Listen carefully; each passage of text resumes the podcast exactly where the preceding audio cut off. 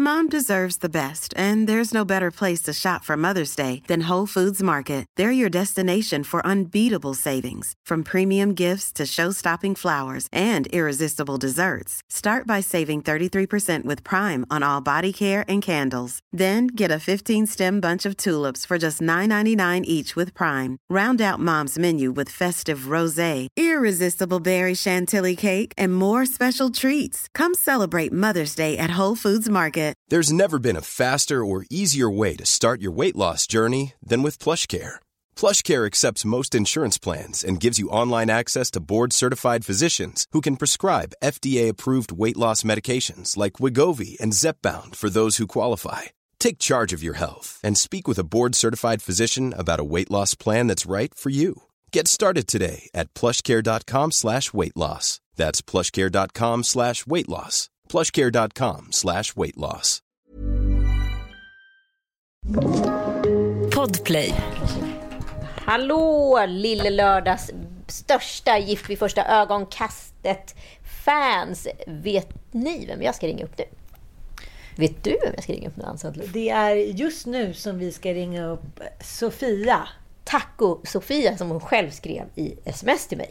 Ja, jag tycker det är så underbart att så här, någon har omfamnat att vara hela Sveriges lilla svennebanan-taco. Älskar det. Taco, taco. Vi hör vad hon har att säga om det här själv. Ja.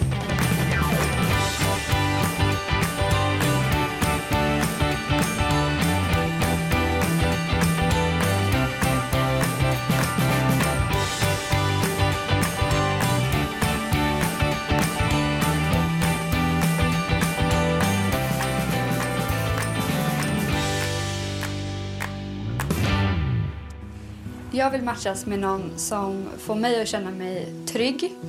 Det är viktigt att min nästa relation är lätt, att det känns enkelt. Jag vill bygga ett enkelt liv. Hej, det är Sofia. Hej Sofia, det är Anita. Och Ann. Hej! Hej, hej! Hej, hej, hej! Hur är läget? Hej, hej, vad kul! Ja, väldigt kul. Jag måste bara fråga det första jag gör, eftersom jag tyvärr inte har någon förälder i livet. Vad sa dina föräldrar när du sa att du skulle göra det här? Blev de chockade? Eh, ja, jag tror inte de trodde på mig först. Eh, för jag sa det... Jag, jag, gud, hur var det där? Jag Ja. sa till dem att jag hade sökt. Jag, till pappa sa jag nog innan jag ens hade kommit med så sa jag att jag ska gifta mig i TV. Och han bara skrattade och bara ja, ja, ja, kul. Eh, Men sen så när de började märka att jag faktiskt menade allvar och att jag eh, kom med så tyckte de att det var jättekul. De, de har faktiskt inte alls varit motståndare till det här. Nej, Eh, jag tänkte på själva bröllopsdagen. Jag tänkte att det, det kan vara en liten awkward eh, situation för många. Dina föräldrar, jag vet inte om de är 50-talister, men eh, Ja, de, de, vad, vad jobbar dina föräldrar med? Jag tänker att du är väldigt eh, så här, välutbildad i känslor. Jag bara, RFSU och lärare typ. Ja, eh, nej mina föräldrar är inte lärare. Det är många som har trott att min eh, mamma jobbar som lärare. Ja, Eh, men hon jobbar på bank. Eh, och pappa han jobbar med datorer. Jag vet inte riktigt. Som alla, som alla föräldrar som jobbar med datorer gör. Barnen vet aldrig vad de sysslar med. Jobbar på kontor sa man också förr i tiden. Ja, Men- exakt. Han sitter på kontor, men han har sitt kontor hemma. Ja, precis. Men du, eh, du hade hört Lille Lördags eh, analyser har jag förstått. Ja, det har jag faktiskt. Eh, jag lyssnade igenom dem för några veckor sedan. Så lyssnade jag på alla giftanalyser och de avsnitt då när ni har pratat om det. Just det. Och vad, vad känner du då? När du hör pr- bli berättad om eller pratad om utan att du själv får vara involverad? Ja, eh, så här. Jag tycker att ni är väldigt härliga. Men om jag ska vara helt ärlig så tycker jag att ni har eh, fel i ganska mycket av era analyser. Det Ja, men ge oss på nöten då. Säg! Ja. Midsommarbråket såklart. Ja. Eh, det, det uppfattade jag att ni, ni, ni drog lite paralleller till typ tonårs, eh, tonårsfester och sådär. Nej men vi pratade nog mycket, eh, vi sa nog ganska mycket att det är ett klassiskt fyllebråk. Alltså ny, Ja. nykär fyllebråk. Ja, för mig, det, anledningen till att det blev starka känslor för mig med det här midsommargrejen, det var för att, att man, jag, har, jag, känner, jag har suttit i den situationen förut, inte just om Björn Rosenström, men eh, att man har känt sig nedvärderad som kvinna i, i ett sådant sammanhang. Eh, och då tidigare så har jag kanske bara skrattat bort det och tyckt att, eh, eh, ja, men, att det inte är värt att ta diskussionen. Men nu så hade jag två kameror i ansiktet och jag ska bli lärare och vill ändå på något sätt eh, poängtera min, min poäng. Jag kan inte sitta och skratta med eh, i, i de texterna när jag vet att hela svenska folket kommer kunna se det. Och Nej. det var det som var grunden till att det blev så starkt för mig. Men hade du agerat annorlunda utan kameror? Eh, innan det hade jag nog gjort det, men idag så vet jag hur... Det har jag ju lärt mig ur det här att det är så extremt viktigt att stå upp för vad man tycker. Eh, så nu kommer jag ta alla sådana fighter. Om och så här, rent konkret. En gång så hade jag den här diskussionen med ett killgäng som hade hängt ut en tjej i en Facebookgrupp som jag kände. Eh, och då var det en tjej där som blev extremt sårad och då såg jag hur hårt det tog på henne. Ehm, och utifrån, utifrån hur hon, jag kände väldigt mycket med henne då och då, det var det som kom tillbaka till mig under det här. Jag förstår. Att, att eh, det faktiskt kan såra och jag tycker att det är jätteviktigt att stå upp för sånt här. Och sen så är det också en del i känslan där och då var ju att jag inte kan förstå hur det här inte är en självklarhet för, för, för Anton i det här fallet, men, Men, för, ja, för men- människor generellt. Men jag tänker också, i serien så, så framstår det som att ni är tre väldigt så här, starka kvinnor med ganska tydliga identiteter som ni kanske inte alla haft från början, men som ni liksom har jobbat för. Och eh, killarna i det här fallet, jag tycker Anton har varit, det har varit liksom väldigt, vad ska jag säga, jag tycker han har varit väldigt modern. Att han har liksom erkänt det här att han, han kanske inte har så himla stark då så kallad manlig identitet hela tiden. Kände du lite när du vaknade dagen efter så här, gud, håller jag på att liksom riskera allt för att make a feministiskt statement typ? Fick du lite ångest över det? Mm, nej, det fick jag inte. Nej. Jag kände att det här är avgörande för om det ska funka mellan oss. Okej. Förstår, förstår han det här, då kan vi fortsätta bygga vidare på den här relationen. Förstår han det inte, då, kommer det, då, då kan jag gå härifrån imorgon. Ja, det var så pass starkt. Wow! Ja, Ja. helt ärligt. Ja, ja. Men vad har du för tidigare erfarenhet av relationer som har fått dig till att söka till serien? Nej men så här, jag har, jag har haft eh, eh, någon längre relation. Eh, och eh, sen så har jag ja, men, dejtat, Tinder-dejtat en del och sådär efter den. Eh, men jag, jag kände så här att ja, jag, är, jag är 25, vilket många har reagerat på att jag är ung för att gå och gifta mig. Eh, men jag kände att ska jag ha en relation så ska den ju vara seriös. Jag vill ju, jag vill ju bygga på någonting seriöst. Eh, och då kan jag lika gärna börja med att gifta mig och testa, testa det här formatet. För jag har alltid varit fascinerad av det här just gift i första ögonkastet och att ehm, experter i det här fallet, men att folk som känner mig, som lär känna mig, eh, hittar en match vad de tycker utifrån eh, som skulle vara bra för mig. Jag tänker att många skulle vilja vara, eh, vara med i serien just för att få den här expertjuryn eller expertpsykologtrion liksom, som kan beröra de här olika områdena där alltid alla relationer sätter igång och kärvar. Liksom.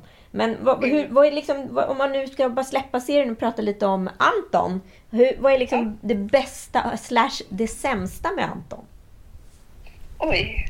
Eh, det finns väldigt mycket som är bra med honom. Eh, han är ju en... Alltså han är ju den snällaste och ödmjukaste människan jag har träffat i hela mitt liv. Eh, han är smart och rolig. Vi har jätteroligt tillsammans. Eh, och eh, vi, eh, vi förstår varandra liksom. Eh, det sämsta? Han är ju... Han tycker inte det, men han är ju lite pedant. Lite, lite pedant. Precis så har han ju lyckats komma över det till viss del nu när han har tvingats leva med mig. Alltså jag skrattade så mycket åt det, för du vet, jag lever ju med en snubbe som är en sinnessjuk pedant. Det ser ut som liksom Okej. Patrick Batemans... Eh, eller förlåt. Garderob liksom. Ja, men, eh, och det, jag skrattade så mycket, för jag kände så mycket igen mig i den där situationen. Men du, hur går det med det där som Anton omskrev i ett nära samtal som att lära sig att cykla? Går det bättre? eh, enhjuling där. eh, jo men det går bättre. Det man får komma ihåg är att det där samtalet hade vi när vi hade känt varandra i tre veckor. Oh my god. jag fattar. Och det är klart att Ehm, det är olika lätt för olika människor att prata om sex med nya människor. Eh, jag kanske hade lite lättare än vad han hade för det då. Nu har vi känt varandra i eh, ja, drygt tio månader och eh, vi har ju, det, har ju det gör ju i sig att det blir väldigt mycket lättare att prata. Precis. Prata och prata. Prata, prata. Men... Prata och prata. Ja. Nej, men det- du är väldigt mogen att du så tidigt tog upp det där. Är det viktigt för dig att ha bra sex? Ja, men det är klart. Det är klart. Men det, det, ja, det, jag tror att det blandades ihop ganska mycket där i programmet också. Eh, om, för där handlade det mycket om att prata om allt möjligt. Och en del av det var ju då eh, prata om sex. Eh, men Anton hade ju svårt att prata, prata om känslor generellt till en början. Vilket jag också tycker man ser en utveckling i, i programmet. Ja, men absolut. så var det. Ja, ja. Jag älskar Anton. Ja, alltså, jag tyckte det var så fint när han satt hos, eh, hos vad heter, psykologerna där på slutet och verkligen öppnade upp om det här. Alltså, det, det krävs otroligt mod att göra det liksom på, vad ska man säga, för hela svenska folkets television. Ja, precis. Ja, men det är helt fantastiskt. Ja, det men han är ju en eh, coolt. superkille. Och jag vet att du är lite, liksom, lite sur på att vara hela Sveriges officiella Sven Banan. Men, men liksom, är det så jävla dumt, höll jag på att säga. Banandrottningen. Vem, vem, det kanske, någon måste ju vara det också. Ja. Tacobananen. Ja, men jag tycker att det är, egentligen är det fint. Eh, Men är du, är, du en trå, är du tråkig på pappret? För ni, jag tycker ni är väldigt glada och fnittriga hit och dit. Men är ni, kanske är ni präktiga? Är ni lillgamla kanske? jag vet inte. Jag, ja, nej. Jag vet inte. Nej. Jag tycker inte att vi är... Alltså, jag tror att det började ju mycket med eh, det här att vi var tråkiga. Egentligen var det en jätteliten grej. Eh, det var någon bloggare som skrev att de tyckte att vi var det och sen så var det många som hängde på det där. Eh, om du skulle söka igen, inklusive den här erfarenheten, förstår du hur jag menar? Alltså det är en väldigt hypotetisk fråga. Skulle du göra det då? Eh, det, det enkla svaret är ju ja, för att det blev så fantastiskt bra som det blev för mig. Och jag hade en väldigt enkel resa genom både inspelningarna och efter och nu under sändningsperioden. Men jag ser ju också hur fruktansvärt jobbigt det har blivit för andra deltagare. Susanna till exempel. Ja. Eh, Men vad tror du är som skiljer då? Ja. Liksom, alltså, jag tänker att det hänger så otroligt mycket på vad man levererar i de här förintervjuerna. Hur sann man är med sig själv och kanske hur färdig man är och med vad man vill. Liksom. Och, det är ju, mm och vad man har för idé om sig själv. Och det, jag, jag, bara så här, för jag kan ju ändå se varför era resor blev så otroligt olika objektivt. Liksom. Mm. Ja, alltså det, det är så komplext det där. För att absolut man, att ge en sann bild av sig själv men också de frågor som experterna ställer går ju att vrida och vända på på en massa sätt. Om de till exempel frågar hur viktigt är pol- politik för dig? Eh, och för Susanna så är inte feminism eh, politik utan det är en basal värdering. Liksom. Mm. Eh, och då, då kan det ju bli väldigt felvrängt det där. Eh, och att det är svårt, att, svårt för experter. Det är ju det är svårt att få en helhetsbild av en människa. Ja, Eh, såklart. Men, men sen, jag vet inte, vi som har jobbat med tv ett tag vet ju också att när man ska göra en sån här casting så är det ju bingo. Man firar ju typ en vecka när personlighetstyper blir så här tydliga och utstuderade om man säger så. Det, det är väldigt spännande. Det är alltid så, även, ja, men det är bara att ta vilken tv-serie som helst. Sen tidernas begynnelse, Dynasty. Det är alltid någon som är så snäll, någon lite jobbig, någon är bitchig. Alltså, det, det är, upp, liksom, det är så rollerna sätts. Så, så det, det är ja. ganska otacksamt om man inte ser det själv. Man blir lite, inom parentes, citationstecken, lurad såklart Det hade ju inte gått att haft liksom, tre stycken Anton och Sofia. Liksom, där. Nej. Det hade Nej, inte blivit någon form av underhållning. Nej, så är det ju. Då, det, det förstår ju jag också. Det, och det är, typ, det, egentligen så är det det enda jag skulle kunna klaga på produktionen. För jag, de har varit helt fantastiska med oss. Eh, men att de, de lovar ju nästan att det är eh, en dokumentärfilmning och att det kommer klippas dokumentärt. Mm. Men det är det inte eh, riktigt. Det är det till viss del, men det går ju alltid att vrida och vända på verkligheten. Och mm. vems verklighet är det som visas? Precis. Men är det mycket, vi har faktiskt en lyssnarfråga på ämnet. Är det svårt mm. att ha ett inspelningsteam med sig? Mm, eh, ja och nej. Det är klart att det blir en väldigt speciell grej. Vi hade med även det där hade vi sån tur att vi fick en tjej som heter Martina som filmade oss och vi klickade med henne nästan lika bra som vi klickade med varandra där i början. Eh, så vi, eh, det var liksom som att ha med sig en kompis hela tiden. Ja, eh, och det är ju jätteviktigt ur ett tv-perspektiv ja. att man är trygg med sitt team. Wahlgrens värld skulle ju inte vara Wahlgrens värld ifall de inte var så bekväma med folket de jobbar med. Så är det ju bara. Nej, nej, exakt. Nej, men jag måste ändå fråga, för att jag tycker att det var en ganska stor nyansskillnad på den här säsongen och tidigare säsonger. Här var det lite som SVT hade bestämt sig för, nu ska det bli lite party. Mm. Eh, ja, men det, det serveras ganska mycket alkohol. Eh, de satt i situationer liksom, som jag tyckte också blev det blev väldigt enkelt för till exempel de andra paren att känna att ni var bra och de var inte bra. Ni hade kommit långt och de inte hade kommit långt. Det var mer intrig, liksom makigt det man ska säga. Tycker du att det påverkar? Det påverkar ju också er stämning med varandra. Den har varit ganska präktig innan. Nu var den ganska fnissig och pussig och sådär. Eh, hur kände du liksom det här, både det här med sex och, eh, och hångel och sådär? Tyckte du att det kändes naturligt efter ett tag och eh, ja, göra sånt framför kameran? Um, ja, nej, det är klart att det är det känns lite annorlunda framför kameran. Men vi hade det, det blev så naturligt för oss eh, runt, alltså i, i det verkliga som hände eh, när kameran inte var på. Så att då att, att eh, spela in en liten pussekvens var inte jätte, det var ingenting som så här, kändes eh, konstigt. Mm. Eh, eller lite konstigt, men inte jättekonstigt om jag säger så. Men vad skulle du vilja rekommendera folk som nu ändå känner så att de är lite nyfikna på att söka? Vad skulle du säga till dem att tänka på? Liksom? Eh, kom ihåg att vara er själva genom hela, eh, hela processen. Och eh, eh ställ frågor om allting till produktionen. Var tydliga och ställ frågor till produktionen. Härligt. Men du, vad har du för planer framåt nu då? Eh, nu ska jag eh, plugga klart. Jag har två terminer kvar på min eh, utbildning. Och eh, sen ja, i sommar så ska vi försöka resa lite med vår bil, Regnbågen som vi kallar den. Ja, okej. Okay. Men du Sofia, jag tycker det var jätte, jättekul att få prata med dig och få eh, lite en knäpp på näsan och vidgat perspektiv samtidigt. Jag måste bara få ställa en sista fråga. Jättekul att vara med. Sofia, får jag ställa en sista fråga? Ja. Vem valde bröllopsklänningen? Det gjorde jag. Ja. ja. Den var superfin. Ja, den var faktiskt jättefin. Tack. Ja, okej. Okay. Vi är bara avundsjuka.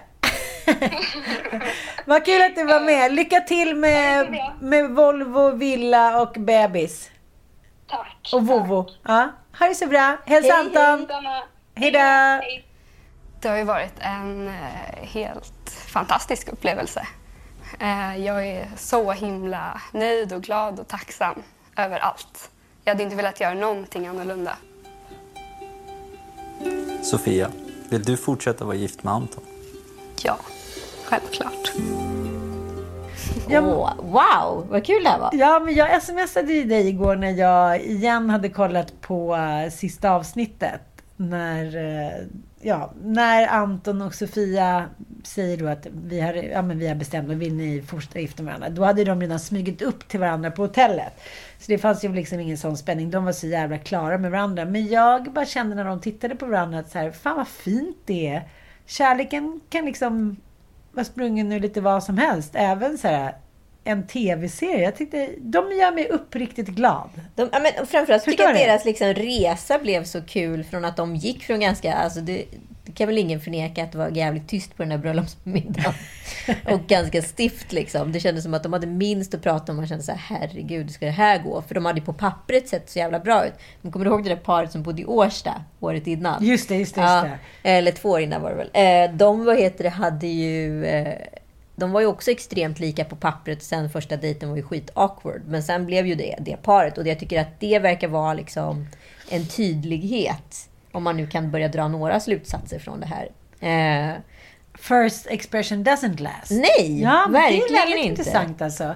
Att det är så att, men, men vet du, så där har jag alltid känt i de jag har blivit riktigt kär i. Att första gången jag sett mig jag känt så här, men vad är det där för tönt som står där borta? Ja men gud, första gången Joel kom hem till mig i kritbolek och liksom i rutig kavaj. Och han såg inte alls ut på, som på sin profilbild. May never do. Var så här, vem är det där? Vad är det där för litet spöke? Men sen var det han ändå. Men jag tror att det handlar om den här känslan att man blir attraherad av någonting och det gör en sårbar. Ja. Så då blir man så här, ja men gud, man ska ändå in där och kleta. Jaha, varför, vem står han och pratar med? Fula glasögon. Vem står han och pratar Så jag tror bara att det handlar om kemi och när man känner den och att det sk- skulle kunna betyda någonting, då blir man rädd. Ja, exakt. Jo, men för Ja. man vill ju, jag vet också att vi var så i Rom och jag bara gick bakom honom och bara så här. Nej, så där ser liksom inte min kille ut. Alltså Nej. han är en sån supertönt. Alltså att man hela tiden så här. Ska hitta fel. Ja, sö, alltså som Susanna liksom söker felen men jag uttalar dem inte till honom. Men jag var liksom väldigt säker i mig själv på dem. Men jag tycker det där är så spännande. Jag, någon dag måste vi ta upp det där med en terapeut. Att man säger, men gud vilken tönt, kolla de där brallorna. Nej men alltså jag kommer aldrig kunna... går man själv runt och tror att man är? Ja, jag vet. Det är väldigt lustigt alltså. Jag kommer ihåg första gången så var jag med någon kompis på Rish och så kom Mattias dit. Så hade han så här men lite herrskor. Eller så här, nu tycker jag de är skitsnygga. Du vet så här italienska Ja. nappaskor typ. Jag bara så här. Okej, hoppas ingen tittar ner, hoppas ingen tittar Nej, ner. men, men Joel var ju såhär, förlåt, 28 år gick runt i tassel loafers. Jag bara, men vad är det här? Ska jag behöva gå och skämmas? Klipp till vad jag själv hade med när Mattias kom på första dejten. Shorts som var tre centimeter höga, en liten t-shirt som typ eh, passade en 12-åring och korkskruvar av Aulalias lillasyster som jag hade lockat hos frisören. Jag tänkte imorgon kommer det se bättre ut. Men det hände aldrig. Jag vet också att jag öppnade dörren i eh, morgonrock och sov tafs osminkad. Jaha. Så självsäker var jag. Herrens vägar är eh, outgrundliga. Ja. Jag tycker bara att det var... Ja, det gjorde, de gjorde mig glad. De gjorde mig De glad. gjorde mig glad. Jag Ja. vill inte bo på 23 kvadrat Men nu, nu kan jag nästan inte hålla mig längre för nu ska vi nämligen prata med Johan Skantz. Johan Jätten Skantz som han heter på Instagram. Jaha, oj då. Oj då. Jag hoppas att hon söker någon som är ja, men lite busig, som gillar att ja, men sprida glädje i vardagen, som gillar att hålla igång och hitta på, åka iväg till en höghöjdsbana eller eh, ge sig ut och kasta lite discgolf om hon nu tycker det är kul. Ja, små äventyr i vardagen. Det, det är kul. Hallå Johan, hur är läget? Det är bara bra. Hur är det själv? Jo men det är mycket bra. Jag sitter här i min säng faktiskt, med, där vi alltid poddar ifrån, med min kollega Ann Söderlund. Ja, härligt. Men du, hur mår du? Det är många som undrar. Ja, det var lite överväldigande kan man säga med all respons och sådär. Så, men jag mår väldigt bra. Det har varit väldigt mycket positiva eh, människor som har hört av sig och sådär. Så det värmer jättemycket. Är det- Jag är mig väldigt glad. Men du, vad, vad fick dig liksom att söka? Ja, det var ju delvis eh, Andreas och Linda då, som var med i programmet som sa att det här skulle passa dig väldigt bra. Och Ja. jag tänkte, ja fasen, det var det värsta som kan hända, så jag sökte ju då. Och eh, sen när det börjar bli lite mer allvar att ja, jag kommer nog faktiskt vara med i det här så fick jag ju ta ställning igen och tänka är det här någonting jag verkligen vill göra och sätta mig in i vad det faktiskt gick ut på mer. Jag hade ju sett lite grann innan men inte direkt så jag var insatt i vad det, ja, hur, hur det gick till allting. Men eh, vad var det liksom bästa skulle du säga i efterhand nu med facit i hand att vara med? Ja, jag har gjort en väldig självutveckling inom det här. Alltså både ja, sätt att diskutera och tagit till mig allting. Eh, och, och se andra perspektiv och sådär. Så jag har utvecklats väldigt mycket genom det här och det är ju vä- värt väldigt mycket för mig. Vad tyckte du om, så här med facit i hand, vad tyckte du om eh, terapeuternas matchning? Jag förstår deras matchning. Sen eh, ja, vet jag inte riktigt vad det berodde på att det blev fel. Liksom så. Men, eh, nej, men i grunden så var det väl ingen dum matchning. Men sen vet jag inte. Det är väl svårt att få alla rätt, liksom, lite som de har sagt också. att Det handlar ju om att ha rätt inställning in i det här och att man eh, ja, jobbar för att det ska bli någonting av det. Eh, så de såg väl den grundläggande delen, att den funkar och sen satsar de på det här liksom. Mm, mm. Ja, men precis. Men jag blir ändå så här förvånad för att ni hade ju uppe, den uppenbart roligaste bröllopsmiddagen och det kändes väldigt puttrigt. Ni var fysiska, ni kysstes mycket. Men vad var det som hände sen? Liksom? Ja, precis. Jo, det var ju väldigt explosivt i början och vi fann varandra direkt där och gick in i en liten bubbla. Så det var ju jättehärligt och sådär. Eh, men sen, jag vet inte. Och hur var, liksom, hur var bröllopsnatten och vad hände dagen efter? Det kändes så himla så här... Liksom. Ja, men bröllopsnatten var bra. Det kändes liksom lugnt och tryggt eller vad man ska säga. Det kändes inget konstigt. Och eh, sen morgondagen då packade vi om och skulle röra oss hemåt och sådär. Åkte man hem till var och en då eller åkte man tillsammans till samma boende? Tillsammans till, eh, vi åkte till henne då. Just det. Ja. Och eh, ja, men där, så länge var det bra liksom. Och att vi ändå hade en bra feeling med varandra. Men vad var det som gick snett? Liksom? När började du känna så här, oj, varför känns det så märkligt? Liksom? Ja, det var ju lite initiellt där med... Eh, jag gav henne en morgongåva där, ett eh, silverhalsband under, ja, när vi vaknade på morgonen där. Just det. Och det, ja, där sa hon väl ganska direkt att hon gillar ju guldsmycken så att det, det hamnade i handskfacket och sen, där var det. Det var inte, det var inte tillräckligt dyrbart. Det tror jag nog att det var. Jag tror inte det handlade om det. Alltså, som hon sa i alla fall så var det att det var inte guld så det, ja, hon ville inte ha på sig något annat än guld och då kände jag väl redan där att okej, då kanske det blir lite tungjobbat här men vi får se. Men vad var det någon speciell symbol, symbol på det där halsbandet? Var det någonting... Eh, Nej, absolut inte. Det var ett, ja, men lite annorlunda länkar liksom bara att det var... Men jag tyckte det var jättefint och sådär. Hon sa att hon tyckte det var fint bara att det inte passade med silver då. Okej. Och, och, eh, ja, Okej. sen kom jag hem till henne där och då blev det den där eh, krocken med hur man får skämta och inte. Som, som det egentligen handlade om mellan oss då. Men och det är väl inte så konstigt kan man tänka sig. Ni har aldrig träffat varandra, ni kommer från olika världar och eh, det första som sker är ett missförstånd som sen blir liksom bombastiskt. Och vem, var liksom, är, var, hamnar ni båda här? För ibland kan jag uppleva, och det kan jag uppleva i egen relation också, att ibland bråkar man mer om principen än faktiskt vad det var som gick fel. Ja.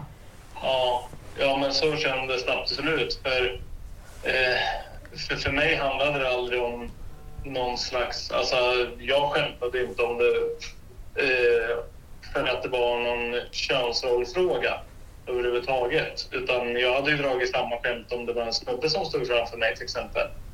Eh, det handlade inte alls om det, men hon eh, ja, eh, tog det dit och så då blev det ju en sakfråga i det, vilket jag inte alls var med på. Då blev det ju väldigt ställd i stunden och visste inte vad jag skulle ta mig till. Så därför blev det väldigt dumt och ett konstigt försvarstagande. Liksom att, ja, ja, det, det blev väldigt fel helt enkelt. Men, Långt från det jag hade tänkt att det skulle ta vägen. men kände, du, kände du att efter första liksom, kemin då som man ändå såg att ni hade, att kanske Susanna tyckte så här, men hur kunde de para ihop mig med liksom en grävare? Att det var lite under her League. Alltså jag menar inte så, men du förstår känslan. Ja, jag förstår vad du menar. Eh, Och jag menar, hon sökte ju, sa hon, en skogshuggartyp och jag vet inte vad hennes bild av en skogshuggartyp är. Nej. Men eh, jag fick väl absolut känslan av att hon inte kände att...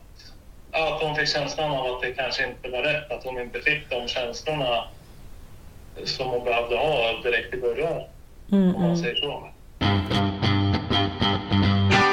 Tycker inte att de har vinklat någonting eller liksom att så, utan det mesta som, det som visades hände liksom och sen kan man ju ångra vissa delar som man har sagt och gjort och så vidare men eh, överlag så tycker jag de har gjort en ganska verklighetsenlig bild av vilka vi är. Men jag måste ändå säga, jag tycker du hade ett stoiskt lugn i många situationer.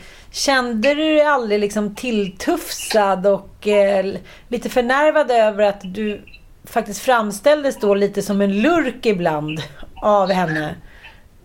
Ja, jo, det är klart att det tog ju hårt och det var jättetråkigt att det blev så. Och ingen vill ju höra att man är eh, det ena och det andra. Så.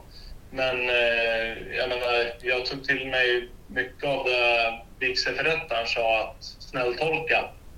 Och eh, ja, att man då ska vara... Ja, jag försökte ändå se att det var en pressad situation, att hon kanske ja, hamnade i något stressat läge så det blev jättejobbigt för henne och att de då tog ut det så att det skulle släppa, liksom, att jag jobbar mig igenom det så att säga. Det, ju, det finns ju så- såklart alltid att man har en idé om sig själv innan. Alltså så har ditt perspektiv på dig själv förändrats någonting efter serien och liksom, tror du att Susannas perspektiv på sig själv har ändrats efter serien? Mm, jag vet inte. Mitt perspektiv på mig själv har inte ändrats så mycket. Det gjorde nog det lite under tiden eftersom man blev ifrågasatt så mycket. Men eh, alltså jag vet ju verkligen vem jag är och vad jag står för. Så att, eh, där har jag inga problem med att veta. Alltså jag en klar bild om vem jag är. Och sen om hon har fått någon förändring i sitt sätt att se på sig själv, det vet inte jag. Men ja, Men vad hände där i skogen egentligen? Kan vi få en recap från dig Johan? All right. Eh, ja, vi kom ju ut där och skulle, eh, vad heter det, eh, agera att vara vilsna då i skogen. Och eh, då sa guiden åt oss att håll rikten däråt, så pekade han åt ett håll. Och ja, ja, då satte vi oss in och försökte hitta en riktlinje där och då började jag såklart kolla med solen och grejer, vart den ligger och så eftersom vi ska inte gå så lång stund och så så kommer den inte flytta sig väldigt mycket. Sen hade vi lite oenade ja, syn på ja, vilket håll vi gick och sådär. Men, och hur Du är väldigt diplomatisk här nu. Du? Är väldigt diplomatisk. Vad kände du? För, för alla vi andra... Väldigt Ja. diplomatisk person. Jo, men du måste ju någon gång tända till. Eller du kanske inte gör det. Det är väldigt sällan, det ska jag säga. Jag är en väldigt stryktålig och eh, lugn person så det eldar sällan till inom mig, det kan jag säga. Och jag menar, eh, ja, jag var inte helt hundra på att jag hade rätt även om jag var hyfsat övertygad. Så, att- men då spelar det mig ingen roll. Alltså, om hon då är så driven i att få rätt i den saken, då kan vi ju absolut gå den vägen.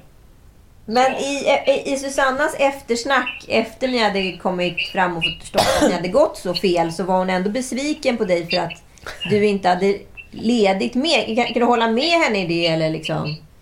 Ja, alltså det var ju lite svårt att ge rätt där för jag talade ju ändå för att vi skulle gå ner åt vänster två gånger om jag minns rätt. Men eh, hon stod ju ändå på sig att ja, men fast om solen är där till exempel så är det ju det. Ja, absolut, då går vi ditåt. Så. Hade det varit en mer, alltså på riktigt livssituation, då hade jag nog stått på mig betydligt mer eftersom om det verkligen handlar om liv och död. Men i den stunden kändes det bara onödigt att ta en, ja, att det skulle bli ett bråk eller liknande över en sån sak som inte var så. Men vad hände när ni åkte därifrån då? Vad är det vi inte har fått sett på kamera liksom? Ja, alltså det är väl i princip det som syns på kameran som hände.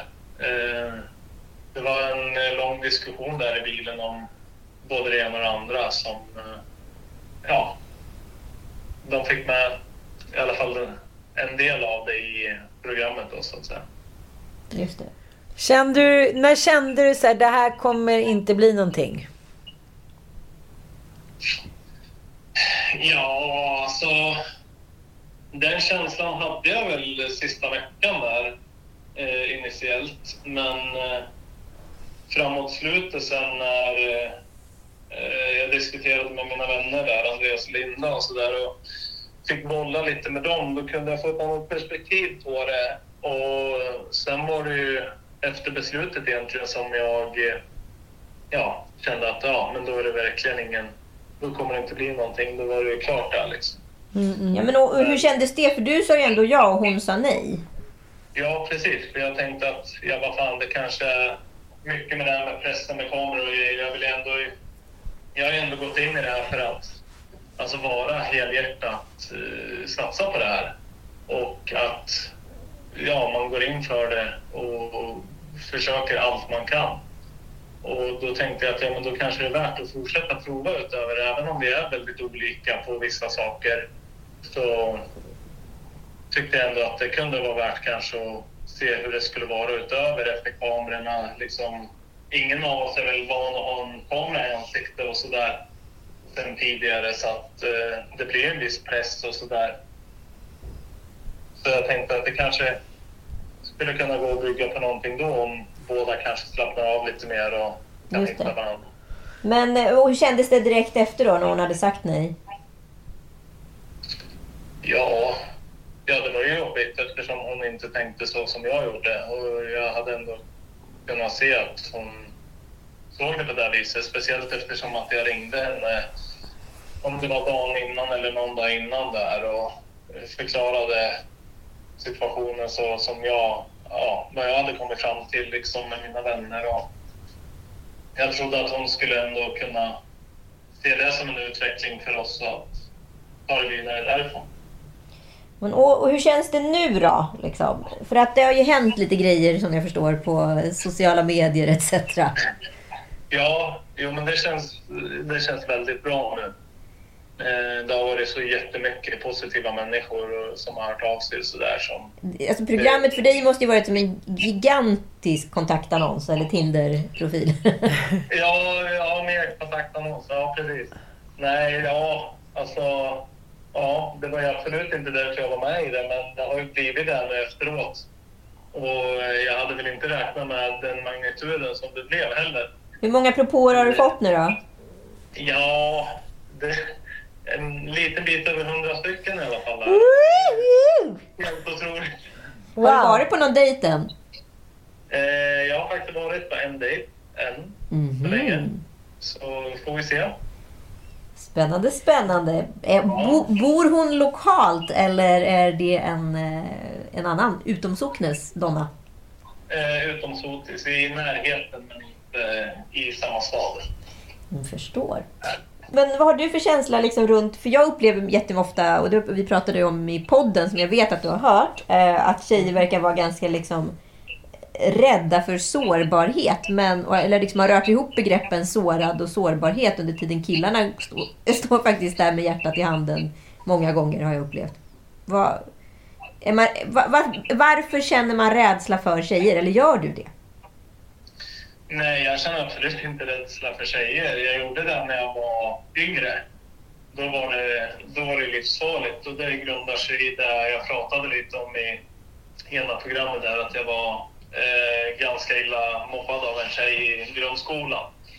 Men eh, jag menar, nu har jag inga problem alls. Jag är inte rädd för tjejer på något vis, utan sen kan det ju vara liksom, den här initiala kontakten kan ju vara lite skrämmande fortfarande som sitter kvar. Men det har jag jobbat med i så många år nu så att nu känns det inte som ett lika stort problem längre. Mm. Nej, för jag, jag tycker att det var väldigt tydligt rent strukturellt att, eh, mång, att tjejerna var så här, de, de ville inte, alltså de var väldigt tydliga med hur mannen skulle vara. Och sen när mannen var som de ville, då var inte det heller bra. Så att, det, ni, hade, ni hade liksom ett tufft, eh, det, ni hade en tufft utgångsläge alla tre karlarna tycker jag. Ja, det blir svårt att göra rätt som sagt. Alltså, jag menar, jag försöker anpassa mig ganska mycket efter den person jag är med och sådär. Eh, men sen ska man ju inte anpassa så att man inte blir sig själv längre. Nej. Precis. Och, eh, jag menar, det försökte jag verkligen att inte göra och jag är ganska som sagt stryktålig och sådär så det gör mig inte så mycket om någon är på mig ganska mycket heller. Eh, Det är bara att jag tar till mig det och sen försöker jag se varför, varför det blir sån kritik och ta det därifrån. Men kan du känna att du, att du liksom var lite för mjäkig vid några tillfällen? För ibland kände jag lite så här, men kom igen nu, stå upp för dig själv mannen. Ja, alltså... Nej, jag vill jag vill nog inte i hur jag liksom hanterade det så. Jag tror inte det hade blivit bättre om jag hade agerat ut heller. Och sen... Ja, kanske att det hade varit bra att stå på sig i vissa lägen, men jag tror inte det hade hjälpt i långa loppet. Och eh, nu var det ju så dumt att jag stod på mig om helt fel sak istället för att det blev en så pressad situation. Eh, vilket blev dumt och det ångrar jag ju idag. Men alltså, det hände så det är vad det är. Men, och du har fått en eh, lyssnarfråga också. Eh, Ja. hu- hur känns det när Susanna säger att hon har ångrat sin medverkan? Ja, det tycker jag är väldigt synd. Eh, Det är en alltså, väldigt speciell grej vi var med om båda två tillsammans. Och vi kunde ändå prata om väldigt djupa saker och komma till ja, men, bra diskussioner och sådär. Även om vi inte tyckte lika om allting, men det är, det är fine. Man får tycka olika. Det är helt okej. Eh, så kunde vi ändå prata om allting och gå igenom det utan att bli ovänner på något sätt. Så jag menar, jag förstår väl, hon har ju fått en väldig massa kritik och ganska extrem kritik vad jag har hört. Mm. Eh, Jag har inte sett någon själv, men och det är ju ingen som ska behöva uthärda alltså, vad som helst. Absolut att man kan få stå till svars för hur man beter sig, men eh, det behöver inte gå till överstyr liksom. Nej, det förstår jag verkligen. Men vad har du för planer framåt nu då Johan? Ja, sakta men säkert skulle jag väl säga. Jag har eh, absolut inte bråttom till någonting och jag vill ju hitta den jag ska spendera livet med. Så jag tar det sakta men säkert och har ingen brådska in i någonting utan eh, ja. Nu får ju jag bara feeling och känner så här, du är ju ändå en väldigt så här, lugn och trygg kille. Du måste ju ha ändå en tjej med lite drag i. Så att det måste ju... Ja, Ja.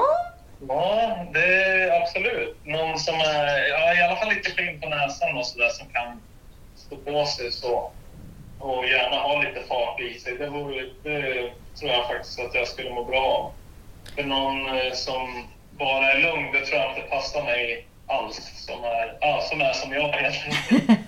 jag, jag tror det är bra att vara olika ibland också. Fast du är ju liksom ändå en joker för att eh, man såg ju ändå att du har en förkärlek för maskerad och det var inga problem att kliva in i karaktär. Och Ja, Nej, du, du gick in i karaktär. där, eh, jag kan chockera ibland, höll jag på att säga.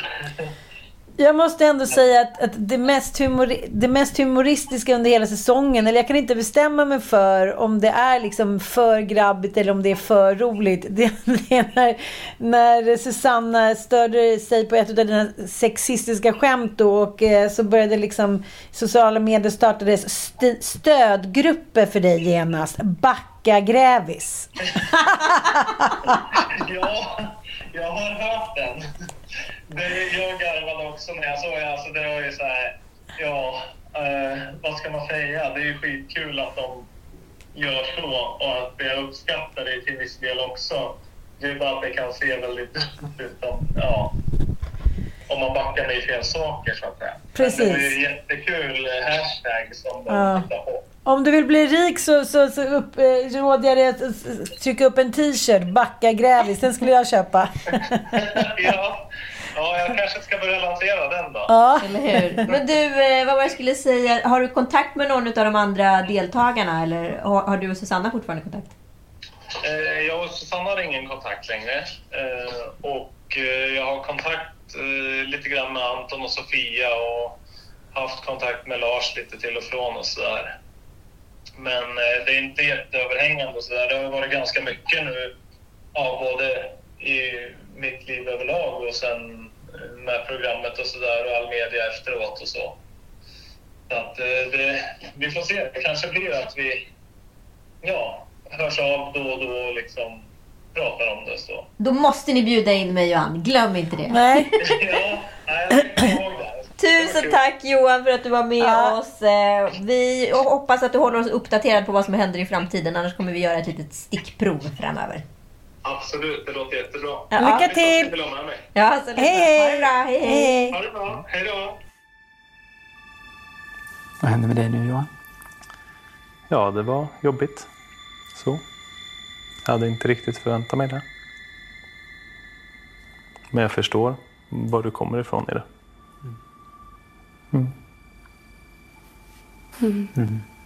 Hade ditt svar varit något annat? Ja.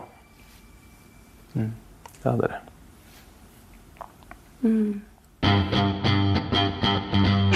Jag vill veta vem det är som är den ofelbara mannen som ändå är en skogshuggare som inte säger fel. Alltså jag vill hi- hitta den profilen. Men jag tycker ofta... Det Den där... rädde skogshuggaren. Ja, men jag tycker så här, det där märker väl du också när man sitter på en middag och så blir lite så, här, så vill killarna glänsa lite. Och då snabbt så säger de något litet plumpt eller sexistiskt för att det är det de har sett att deras farsor har gjort. Ja. Jag tror faktiskt att det kan handla, liksom, att det kan vara en ganska enkel förklaring. Ja. Att de inte tänker till ens vad de säger utan de tänker så här, jaha, jag drar till med någon reptilhjärna. Okej, reptilhjärna replik. Och så, så, eh, och så bara faller det platt. Och jag hade en kompis som berättade för mig att hennes svärfar alltid satt och drog sexistiska liksom, blondinskämt. Hon satt där och lyssnade och tänkte så här, vad fan, ska han dra det här tråkiga blondinskämtet igen? Jag får, jag får Sputnik. Då kände hon sig, nu hade hon moden, modet stärkt av miljontals kvinnor under de här månaderna. Så sa hon så här, vet du, jag orkar inte höra ett sexistiskt blondinskämt av dig till. Det har inte kommit något mer skämt. Han blev ordentligt tilltufsad. Och eh, jag känner det att det är här, ja, man kör väl på gammal vana. Det här är inget försvar och jag tycker att det är bra att man säger ifrån. Men det har blivit... Eh, där faktiskt kan jag ändå säga att, att jag skulle tyckt synd om det både var en tjej och en kille. Jag kan ju, du kan ju också vara plump. Gud ja. Sputnik vad du kan prata. Gud ja. Nej men det enda jag säger är att situationen, Ja. man har precis gift sig, man kommer hem till ett torp, man är lite osäker på varandra, man känner inte varandra. Det första som slinker ur, för man är osäker, det är gamla eh, säkra kort. Som man kanske har med sig från liksom, barnsben då. Ja. Ja, och det landar fel. Men där måste man ju som motpartner vara liksom lätt förlåtande för att man, man känner ju inte varandra. Sen är det ett osoft skämt, men där kan det ju stanna. Det där var inte speciellt nice. Låt oss gå vidare. Mm. Och så inte så mycket mer med det. Sen, men här har ju de då valt att cementera sin tjurighet på olika sätt i den här frågan. Nej, jag tycker inte förena mig. Jag vill kalla min kärring för kärring. Och, och nej, jag tycker inte förena mig. Han är man, han är ett jävla mansvin. Ja, och sen så, där går det fel. Direkt. Utav det lilla jävla ordet. Och det är ju trist liksom. Människor är ju tyvärr bara människor. Annars hade det varit mycket enklare om vi var algoritm, så att säga. Verkligen mycket enklare. Och eh, man kan ju också känna, tänka lite så här, ja, många människor sitter ensamma. Det kanske finns en anledning att man kanske får så här, tagga ner lite. Lite så. Tack för att ni har lyssnat på två utav våra fantastiska Lille Lördag special Gift vid första ögonkastet. Vad hände sen? Intervjuer! Nu ska ni lyssna på för, alltså, det andra avsnittet den här veckan, det vill säga eh, Lille Lördag, Lille Lördag. För där har vi nämligen extraintervjun med Lars också. Smaskigt!